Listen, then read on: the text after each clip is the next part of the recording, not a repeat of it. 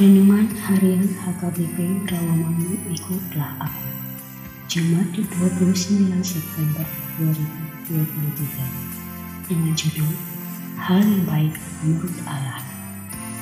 Bacaan kita pada pagi hari ini tertulis dalam Yeremia pasal 38 ayat 14 hingga 28. Bacaan kita pada malam hari ini tertulis dalam 1 Petrus pasal 2 ayat 18 hingga 25. Dan kebenaran firman Tuhan yang menjadi ayat renungan kita hari ini tertulis dalam Pengkhotbah pasal 7 ayat 1 yang berbunyi Nama yang harum lebih baik daripada minyak yang mahal dan hari kematian lebih baik daripada hari kelahiran.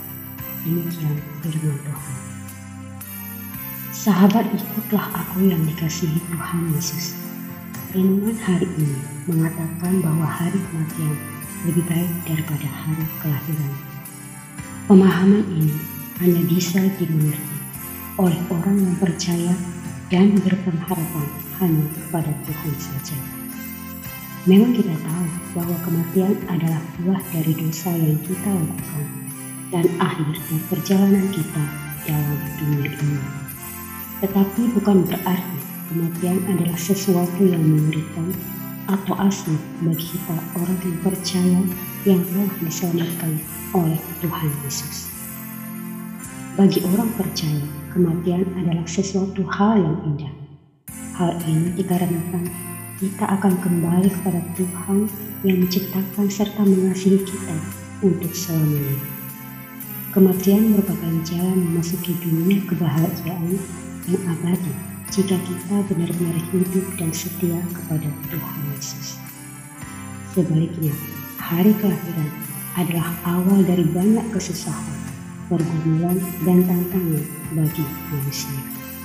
Di mana bayi yang lahir tidak tahu akan memiliki kehidupan seperti apa setelah dewasa dan akan menghadapi persoalan apa di hidupnya.